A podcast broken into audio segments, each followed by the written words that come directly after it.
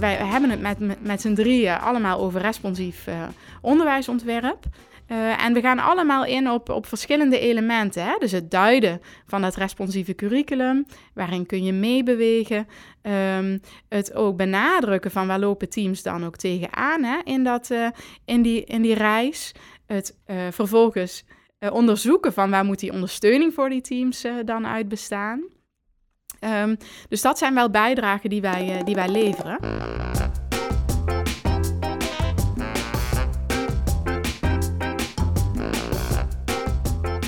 Je hebt zojuist geluisterd naar een fragment uit het gesprek tussen Rieke van Bemmel, Joyce Fruls en Maria Kusters.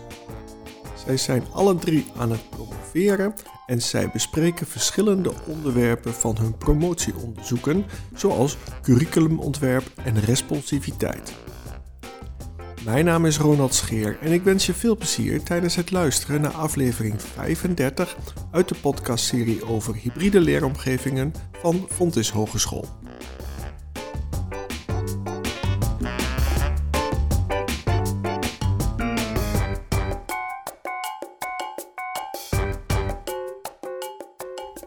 We onszelf ook even voorstellen. Mijn naam is Maria Kusters. Ik werk hier bij Fontes um, vanuit de dienst ONO, Onderwijs en Onderzoek. Um, en van daaruit ben ik verbonden aan programma Hybride Leeromgevingen. Ik doe daarnaast ook promotieonderzoek um, bij de Universiteit Twente. Mijn promotoren zijn Susan McKenney, Anje Ros en Miranda Snoeren. En mijn onderzoek richt zich op hoe je eh, teams kunt ondersteunen bij co-creatie van curricula. En daarmee specifiek uh, doel ik op responsieve curricula. Uh, bij mij aan tafel zit ook Rieke. Hallo, ik ben Rieke van Bemmel. Uh, ik werk voor de Hogeschool Utrecht. Ik ben daar uh, lerarenopleider en onderwijskundige bij Instituut Archimedes, de lerarenopleidingen van de, de Hogeschool Utrecht. En tevens als promovendus verbonden aan het lectoraat beroepsonderwijs. Um, en aan de Open Universiteit van Nederland. Ik word in mijn uh, onderzoek begeleid door Ellie de Bruin en Ilja Sitter. En mijn onderzoek gaat over het ontwerpen van een responsief curriculum voor lerarenopleidingen in het HBO. Dankjewel, Rieke. Um, uh, verder zit bij mij aan tafel Joyce. Hoi, ik ben uh, Joyce Fruls. Ik werk voor uh, Zuid Hogeschool. En ik doe daar promotieonderzoek naar uh, responsiviteit van curricula. ik werk voor de opleiding verpleegkunde ook als docent. En ehm, ik doe het onderzoek ook voor de OU in Heerlen.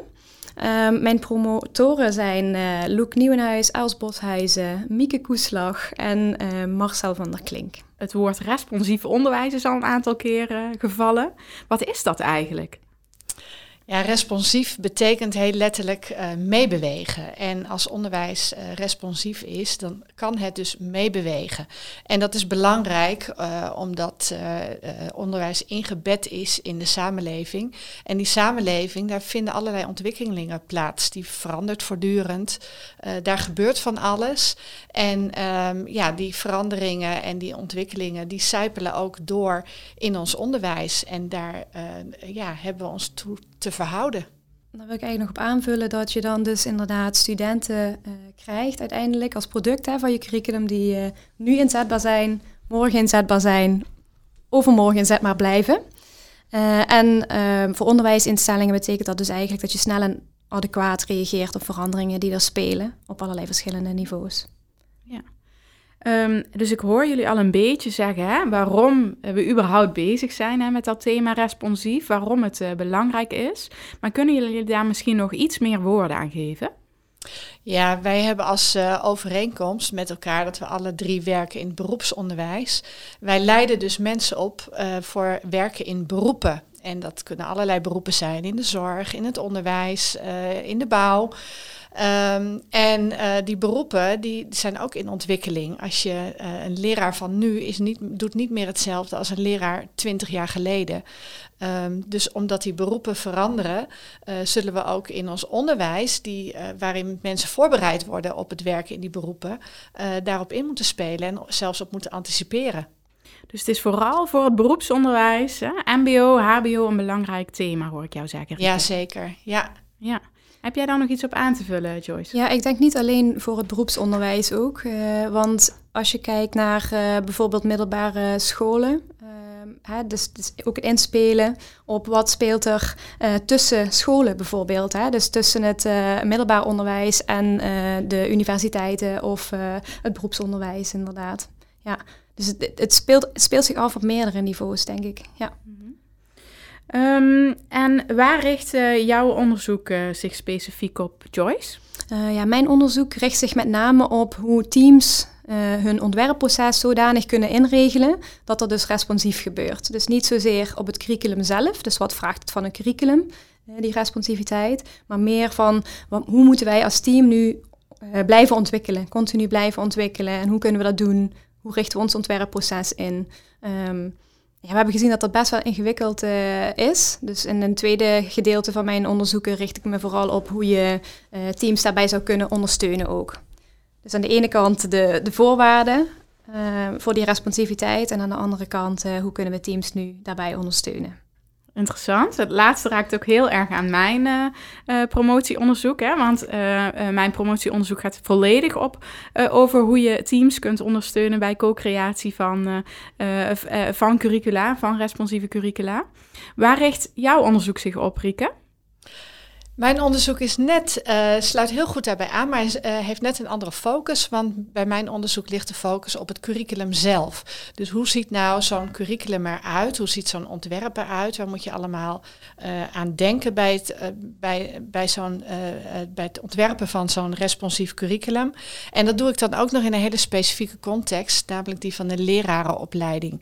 En um, ja, we zien dat, um, dat lerarenopleidingen geconfronteerd worden met uh, allerlei ingewikkelde uh, problemen. Denk maar bijvoorbeeld aan het lerarentekort, wat nu heel actueel is. Um, we zien dat onder druk van het lerarentekort uh, de, instroom in lerarenopleidingen verandert. Die wordt steeds diverser. Dus de, de studenten die bij ons instromen zijn al lang niet meer alleen de studenten die doorstromen vanuit de HAVO. Maar we krijgen ook zij-instromers, deeltijders, mensen uit andere beroepen die uh, een switch willen maken uh, naar het leraarschap.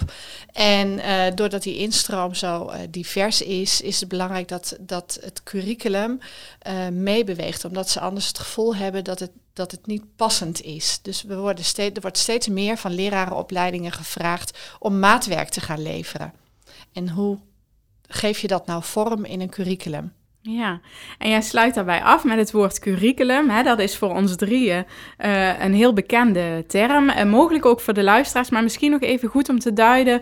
Uh, wat, is nou, wat is nou een curriculum? Joyce, zou jij dat kunnen uitleggen? Ja, ja curriculum is eigenlijk een, een plan voor leren. Het is eigenlijk een hele oude definitie van, van TABA, die ik ook hanteer in mijn onderzoek. Um, en voor mij is het niet een, een bepaalde les, maar meer ook geen lessenreeks overigens, maar meer een opeenstapeling van uh, bijvoorbeeld modules die leiden tot uh, een bepaalde graad, zeg maar even. Uh, hè, dus diploma. Op dit moment nog, laat ik ja. het zo zeggen. Want ik wil niet zeggen dat het altijd zo blijft, dat je je diploma's blijft halen. Nee. En als we het dan hebben over, over curriculum, dan hebben we het dus over een plan voor leren. En dan hebben we het dus ook over iets groters dan alleen het ontwerpen van een, van een les of van een lesreeks. Dat hebben we nu wel als gemene deler uh, uh, even geduid. Um, wat is nog, uh, nog verder interessant om even te benoemen over curricula en hoe wij daar tegenaan kijken? Rieke, wil jij daar iets over zeggen? Ja, een uh, curriculum bestaat uit verschillende onderdelen of elementen. Um, heel bekend is bijvoorbeeld het, uh, het model Spinnenweb van uh, Jan van der Akker. Um, die kent tien onderdelen, tien elementen die je kunt ontwerpen. Nou, als je, zoals ik in mijn onderzoek doe, dat ontwerpperspectief inneemt, kun je um, ja, daar op verschillende manieren, vanuit verschillende dimensies ook naar zo'n curriculum kijken. En dat is ook wat ik doe. Dus ik kijk vanuit de inhoud, maar ook uh, vanuit tijd en ruimte, uh, vanuit uh, instrumenten, artefacten, spullen, tools en vanuit het sociale, vanuit de sociale ontwerpdimensie. Nou, dat zijn allemaal onderdelen in een curriculum die te ontwerpen zijn. -hmm. Dus jij raakt nu eigenlijk al aan, hè, vijf soort van ontwerpbare elementen. En ik hoorde jou ook al wat zeggen over dat meebewegen. Uh, zou je die twee eens uh, wat verder uh, kunnen uitleggen? Omdat volgens mij dat raakvlak tussen die twee heel goed ook vangt waar jouw eerste onderzoek over gaat. Ja, dat, dan komen we eigenlijk gelijk bij de eerste inzichten die uh, uit mijn onderzoek naar voren zijn gekomen. Uh, we hebben het net uh, gehad over die responsiviteit, dat meebewegen, reageren op veranderingen. En uit mijn onderzoek komt naar voren dat responsiviteit drie componenten kent. Dat, dat een, een curriculum op drie manieren mee kan bewegen. Nou, het eerste sluit aan bij wat ik al zei over die diversiteit van de instroom. dus een curriculum kan meebewegen met studenten en met wensen en behoeften en achtergronden van studenten die, die dus heel verschillend kunnen zijn. Uh, de tweede manier van uh, meebewegen is dat je uh, als opleiding of als curriculum meebeweegt met het beroep waarvoor je opleidt. Dat kunnen uh, bedrijven zijn, organisaties, zorginstellingen, maar bijvoorbeeld ook scholen als het gaat om lerarenopleidingen. En de derde component, de derde manier waarop je mee kunt bewegen, is met, met veranderingen in de samenleving als geheel. En dan denk ik uh, bijvoorbeeld aan uh, nou ja, de, de crisis die zich nu voordoen, de energiecrisis. wat, wat merken we daarvan in het onderwijs? maar ook technologische ontwikkelingen, artificial intelligence bijvoorbeeld, wat steeds uh, meer ook het onderwijs uh, binnenkomt. Dus die drie, uh, dus dat zijn drie manieren waarop, je, waarop een curriculum kan meebewegen. Met student, met bedrijven en werkcontexten en met de samenleving als geheel. Dankjewel. Um, we hebben nu al een beetje gehoord hè, van waar ging, hè, ging jouw eerste onderzoek uh, over. En we weten dat dat heel belangrijke inzichten nu heeft opgeleverd over die responsiviteit, dat meebewegen. Waarmee dan? Hè? En dan zeg je, nou dat kan met die student, dat kan met dat beroep en dat kan met die maatschappij. Um, wat komt er uit jouw uh, onderzoeken naar voren, Joyce?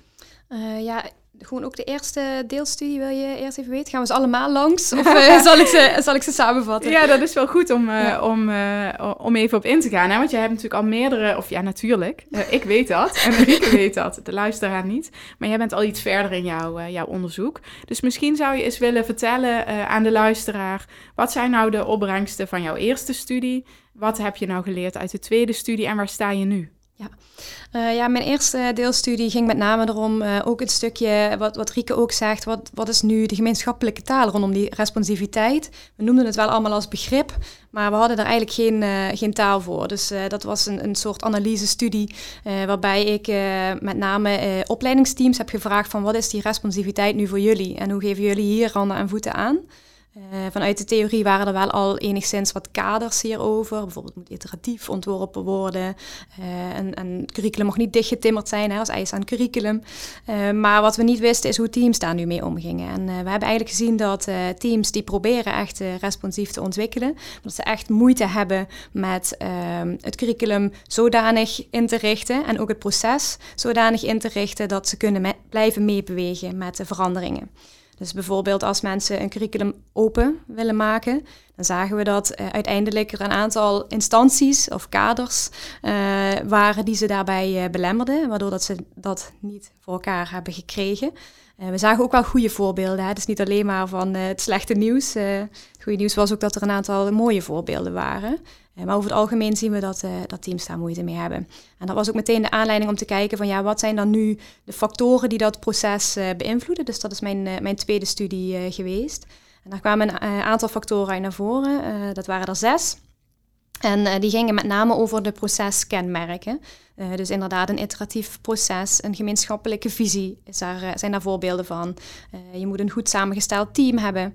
Uh, dat bestaat uit meerdere, uh, ja, daar kom ik eigenlijk op jouw vlak uit. Hè. Dus het bestaat uit meerdere um, uh, stakeholders. Vanuit de beroepspraktijk, eh, vanuit um, de student bijvoorbeeld. misschien zelfs ook cliënten die meewerken aan de ontwikkeling van het curriculum.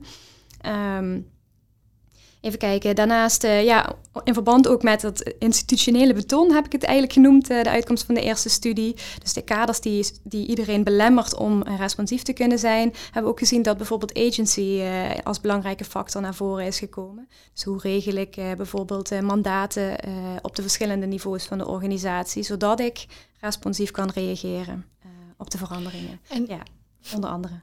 We zijn nou alle drie een, een tijdje bezig. Jij bent nog wat minst lang bezig, Maria. Maar heb jij ook al inzichten opgedaan vanuit jouw onderzoek? Zeker. Ehm, en dat, fout, dat, dat bouwt eigenlijk wel heel mooi voort op wat Joyce net zegt. want Joyce geeft eigenlijk heel duidelijk aan van... Goh, dat een responsief curriculumontwerp, dat is een heel complexe opgave. En we horen ook terug, goh, die docententeams en die andere betrokkenen die daar samen um, uh, handen en voeten aan proberen te geven, die, uh, uh, nou, die lopen daarin vaak, vaak vast. Ehm, dat neem ik eigenlijk als startpunt voor mijn, eh, voor mijn onderzoek. Dus ik ga, mijn, mijn startvraag is, goh, als je nou in, op multi-stakeholder manier responsief onderwijs wil ontwerpen. Dus uh, docenten samen met werkveldprofessionals, samen met studenten en met andere interne en externe relevante stakeholders. Als je die teams wil, uh, wil ondersteunen, waar moet die ondersteuning dan uit bestaan? Nou, dan hebben we al wat inzichten, kunnen we bijvoorbeeld halen uit uh, uit, uit een studie zoals jij die, uh, die presenteert, uh, Joyce. En wat uit mijn eerste studie is gekomen, is ik heb eigenlijk alle literatuur bestudeerd rondom co-creatie van curricula. En, um, en uit die studie komt naar voren dat, um, dat je teams moet ondersteunen um, bij samenwerken. Uh, bij het curriculum als product. Hè? Dus je, je, je, zet, je spant je samen in om een product te ontwikkelen. Dat is een curriculum. Um, rondom dat curriculum heb je, uh, ondersteuning uh, te bieden. En het derde element waarop je ondersteuning hebt te bieden, is op ontwerpen echt als proces. Dus op het design. Dan kan je denken aan design thinking-achtige toepassingen of ADDI voor de onderwijskundigen onder ons die aan het luisteren zijn. En dat soort inzichten heb ik het dan over.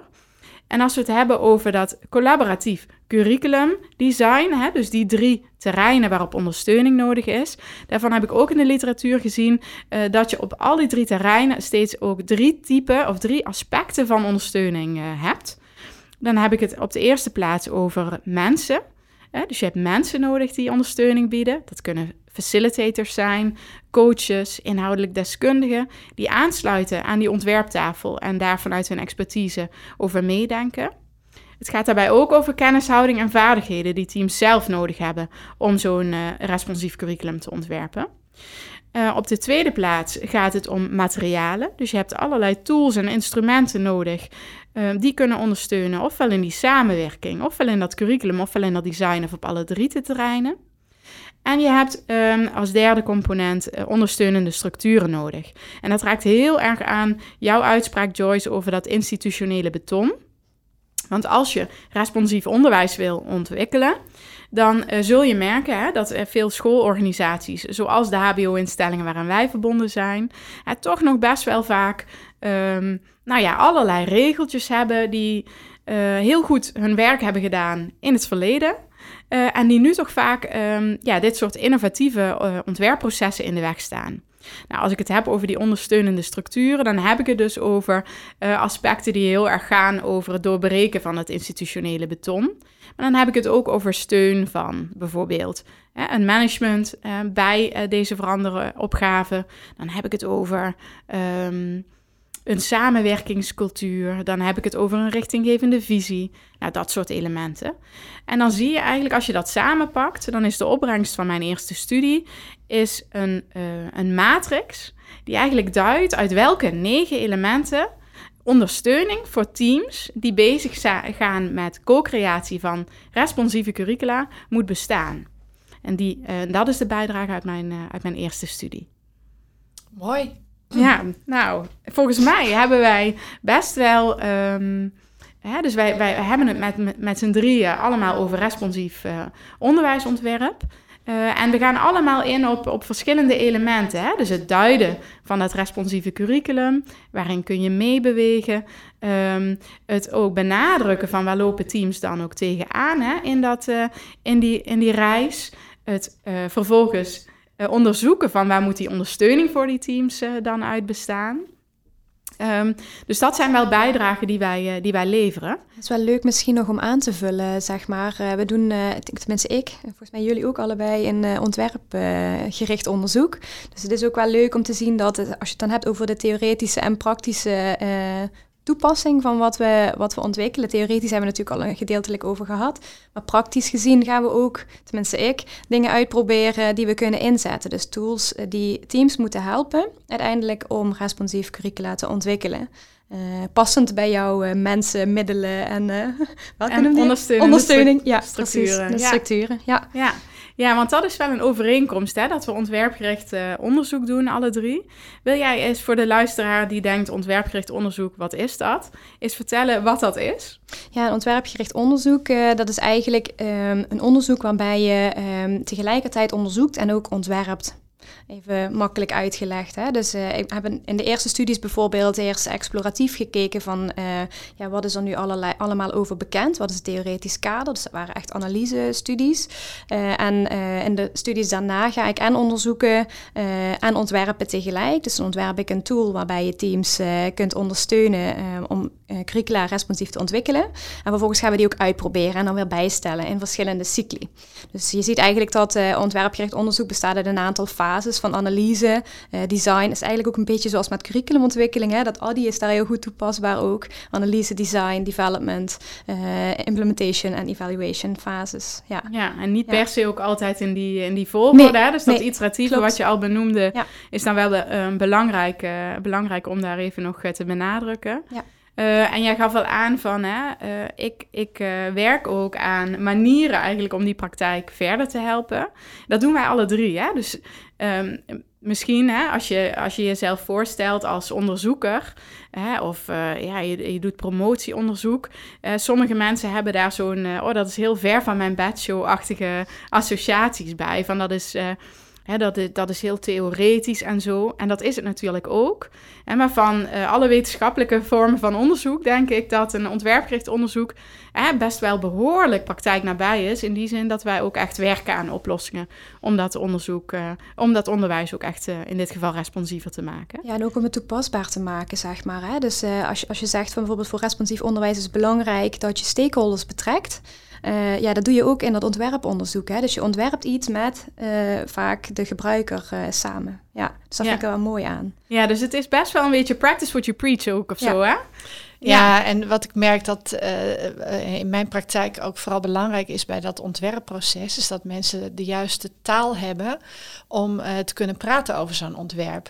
En dat is wat ik, wat ik ook doe in mijn, met mijn onderzoeken. Jij had het net over die matrix die jij gemaakt hebt. Nou, ik heb ook zo'n soort kader gemaakt voor ontwerpers. Um, uh, met enerzijds die drie componenten van die responsiviteit en anderzijds die vijf ontwerpdimensies. En uh, dat, dat framework heb ik gevuld met veertien thema's. En die thema's, dat zijn woorden die ontwerpers kunnen gebruiken om uh, daarmee ontwerpkeuzes en beslissingen te nemen. Een van die thema's is bijvoorbeeld contextgebondenheid.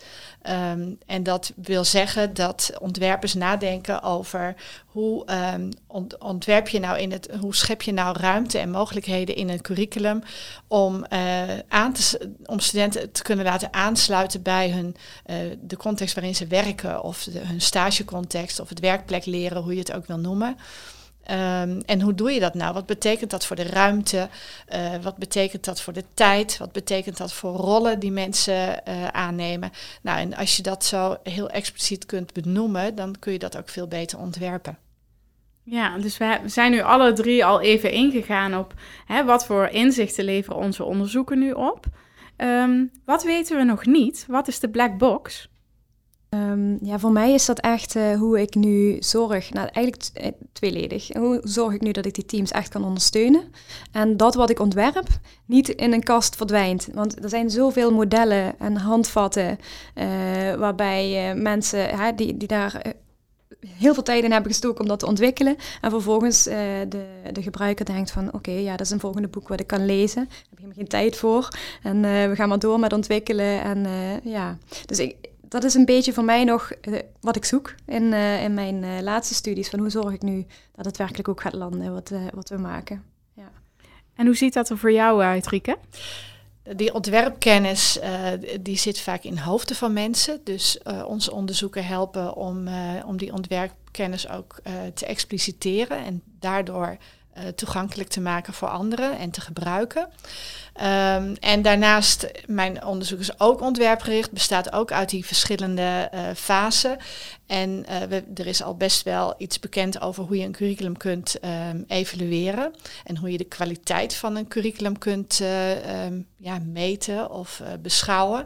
Maar hoe je dat doet met een responsief curriculum, daar is ook nog niet zoveel over bekend. Dus mijn derde deelstudie richt zich op nou ja, hoe, hoe kun je nu de kwaliteit van een responsief curriculum uh, vaststellen. Ja, en mijn onderzoek gaat, uh, wat ik in het begin eigenlijk al zei, ja, volledig op, uh, in op die ondersteuning van, van die teams die, die co-creëren. Daar weten we nog heel weinig over. Dus we weten wel, hè, dat, dat komt ook wel uit meerdere onderzoeken, dat het verstandig is om als je uh, um, onderwijs responsief wil, uh, wil maken, dat je daarin uh, goed de samenwerking opzoekt met anderen. Um, maar we zien in de praktijk nog best wel dat teams daar heel erg in worstelen om dat ook samen aan te vliegen. Hè? Dus om daar echt participatief te ontwerpen, om daar echt te co-creëren. Um, en we zien ook, um, ook de praktijk best wel worstelen in ja, hoe ondersteun je dit soort teams nu, uh, nu optimaal. Nou geef ik daar met mijn eerste deelstudie al wel een handvat hè, om, daar, uh, uh, om daar ook dit soort teams en hun ondersteuners en schoolbesturen bij te ondersteunen. maar dat vraagt nog wel meer, meer vervolgonderzoek.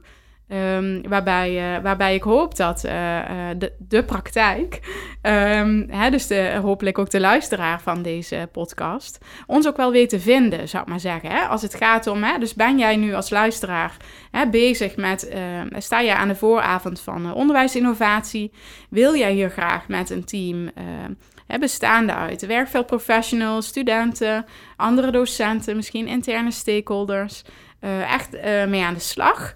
Uh, en weet je niet zo goed hoe, dan hoop ik heel erg dat je denkt uh, ook aan ons drieën en dat je ons onderzoek ook op de voet uh, blijft volgen. Nou, we werken toe naar een afronding van deze podcast. Welke adviezen zouden wij nou willen geven aan de praktijk?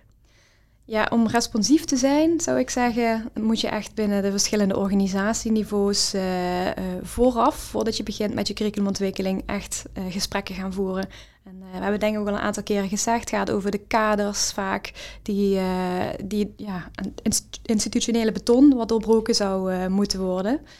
dus daar heb je echt gesprekken vooraf voor nodig op de verschillende organisatieniveaus. Dus dat zou een heel belangrijk advies zijn voor de start. Ja, en ter aanvulling misschien ook dat uh, teams die uh, responsief curriculum willen gaan ontwikkelen, ook met elkaar in gesprek zijn op, op welke manier ze dan uh, mee willen bewegen. Dus we hebben net uitgelegd, dat kan op verschillende manieren. Nou, wat is voor zo'n team nou het meest belangrijk? Of willen ze misschien wel op alle drie de manieren kunnen meebewegen? Dus dat je daar vooraf het gesprek over voert. Ja, en het vraagt om een andere mindset misschien ook nog als, uh, als aanvulling. Hè? Dus echt flexibel naar kaders kunnen kijken, vraagt om ontwikkeling van anders kijken naar beroepsonderwijs. En ja, dat is iets, dat is moeilijk om een advies over te geven, maar het vraagt wel echt om een andere mindset. Ja, ik beaam wel wat jij zegt, Joyce. Want als je Hè, als je responsieve curricula wil, uh, dan is het goed om je als schoolorganisatie ook te realiseren uh, dat, je met, dat je met werkveld zelf ook echt in beweging gaat. En dat dat dus inspanning vraagt hè, op al die niveaus, dat het ingrijpend is. En, uh, uh, en, en dat je het dus ook dat je dus niet denkt dat quick fix ik wel even. Hè, um, en ook dat je dat, um, dat co-creatiestuk, dat je dat serieus neemt. Dus niet dat je toch weer als docententeam aan de ontwerptafel kruipt en je realiseert, hé, hey, hier zijn geen studenten en werkveldpartners bij aanwezig. Want alleen dat al realiseren hè, betekent al iets. Maar goh, hè, even terug en zorgen dat we ook gewoon uh, dit werkelijk ook participatief uh, aanpakken.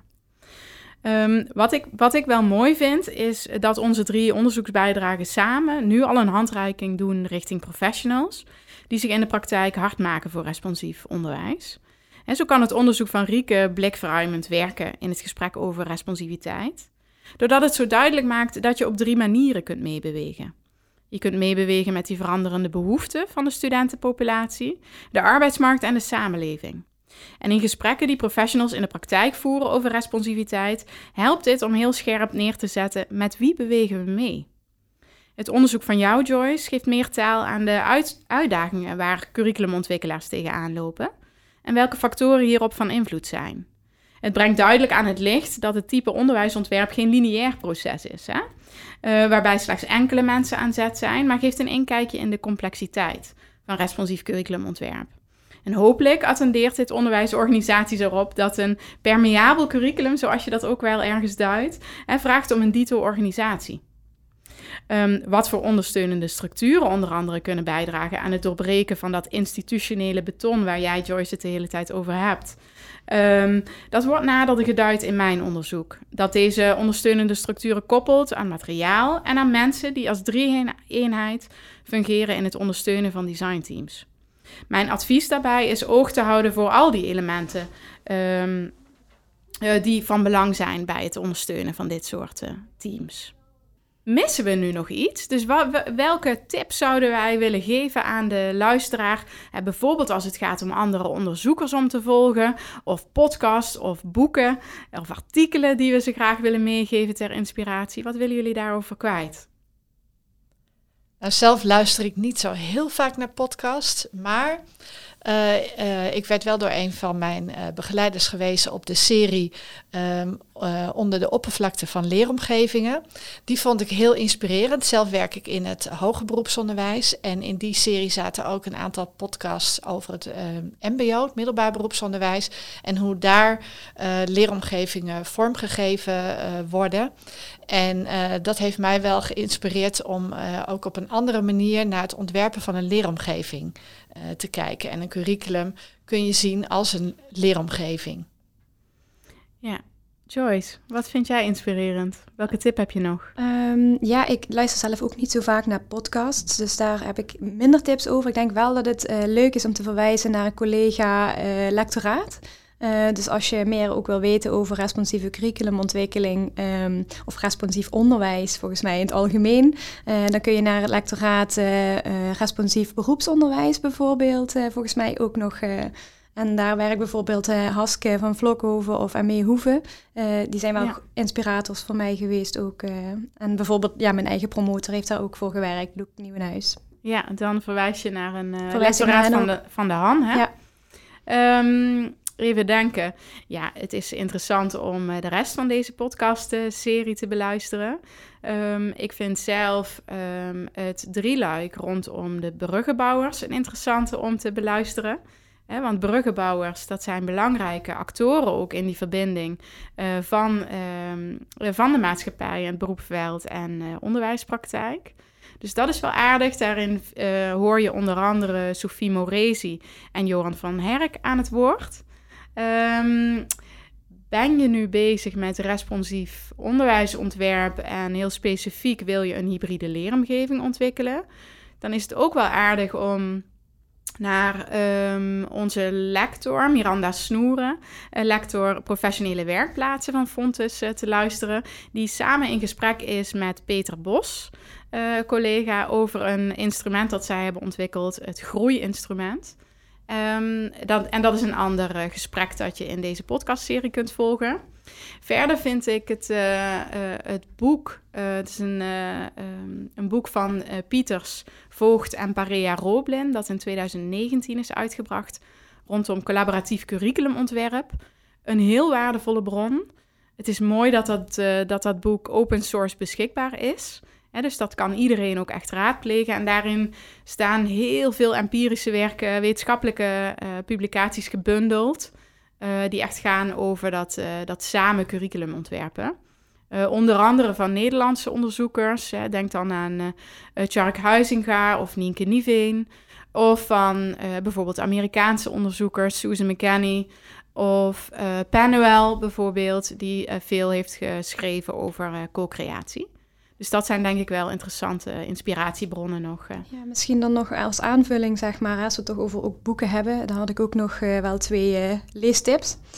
Eén is het, boek, het handboek Beroepsgerichte Didactiek, ook van ja, wat ik net al eigenlijk aangaf vanuit dat lectoraat, vanuit Luc Nieuwenhuis. Ehm, en daarnaast zou ik ook Dweck Carol Dweck aan uh, Growth raden. mindset. Ja, growth mindset. Vooral ook omdat ik aangaf, ja, echt tips heb ik niet over hoe je die mindset nu kunt ontwikkelen. Maar ik denk dat de growth mindset daar wel handvatten uh, voor zou kunnen bieden. Ja. Dank jullie wel. Het is uh, interessant om, om zo eens via deze route ook nog eens van jullie onderzoeken te horen. Hoe, ehm, hoe zijn jullie te volgen? Nou, je kunt mij natuurlijk vinden op LinkedIn. En ehm, daarnaast, als je nieuwsgierig bent of je wil mij een berichtje sturen, dan kan dat naar rieke.vanbemmel.hu.nl. En hoe ben jij te vinden, Joyce? Ja, ik ben ook te vinden via LinkedIn, hetzelfde als Rieke, maar ook uh, via het e-mailadres uh, joyce.freuls.zuid.nl. Uh, en daarnaast, als je mijn werk wil vinden, dat kan ook. er is al één artikel uitgebracht. hebben we ergens ruimte om dat, om dat als je de podcast aankondigt eronder weer te geven? Ja, ja, precies. Dus dan, dan ja, doe ik die referentie eronder. En daarnaast ook een, nog een, misschien een leuke link naar de uitkomsten van mijn tweede studie. Daar heb ik ook een filmpje over opgenomen. Dus die kan ik uh, dan allebei uh, bijvoegen. Ja. Fijn. Um, en ik ben uh, te volgen via, ook via LinkedIn. Um, ook via het programma Hybride Leeromgevingen, waar deze podcastserie uh, bij hoort. dus ik, uh, dus, uh, ja, nou ja, eerdere resultaten of filmpjes of iets dergelijks, dat kun je allemaal vinden op de website die wij hebben. Als je gaat naar www.fontes.nl en je zoekt dan op hybride leeromgevingen, dan kom je uit op de website van het programma Hybride Leeromgevingen van Fontes. En vind je dat werk waar, waarover ik het heb. En verder kun je mij mailen via fontes.nl. En ik hoop dat dit uh, onze luisteraars inspireert. En dat ze ook weten hè, dat, uh, dat wij drieën en ook Haske uh, van Vlokhoven en Meehoeven vanuit de Han... Um, alle vier eigenlijk op dit thema heel actief zijn. Dus wil je nou in je onderwijspraktijk iets met responsief onderwijs, weet dan ook onze alle vieren op dit thema te vinden, waarbij we allemaal zo onze eigen expertisegebieden hebben. Eh, dank jullie wel voor het luisteren. Dankjewel.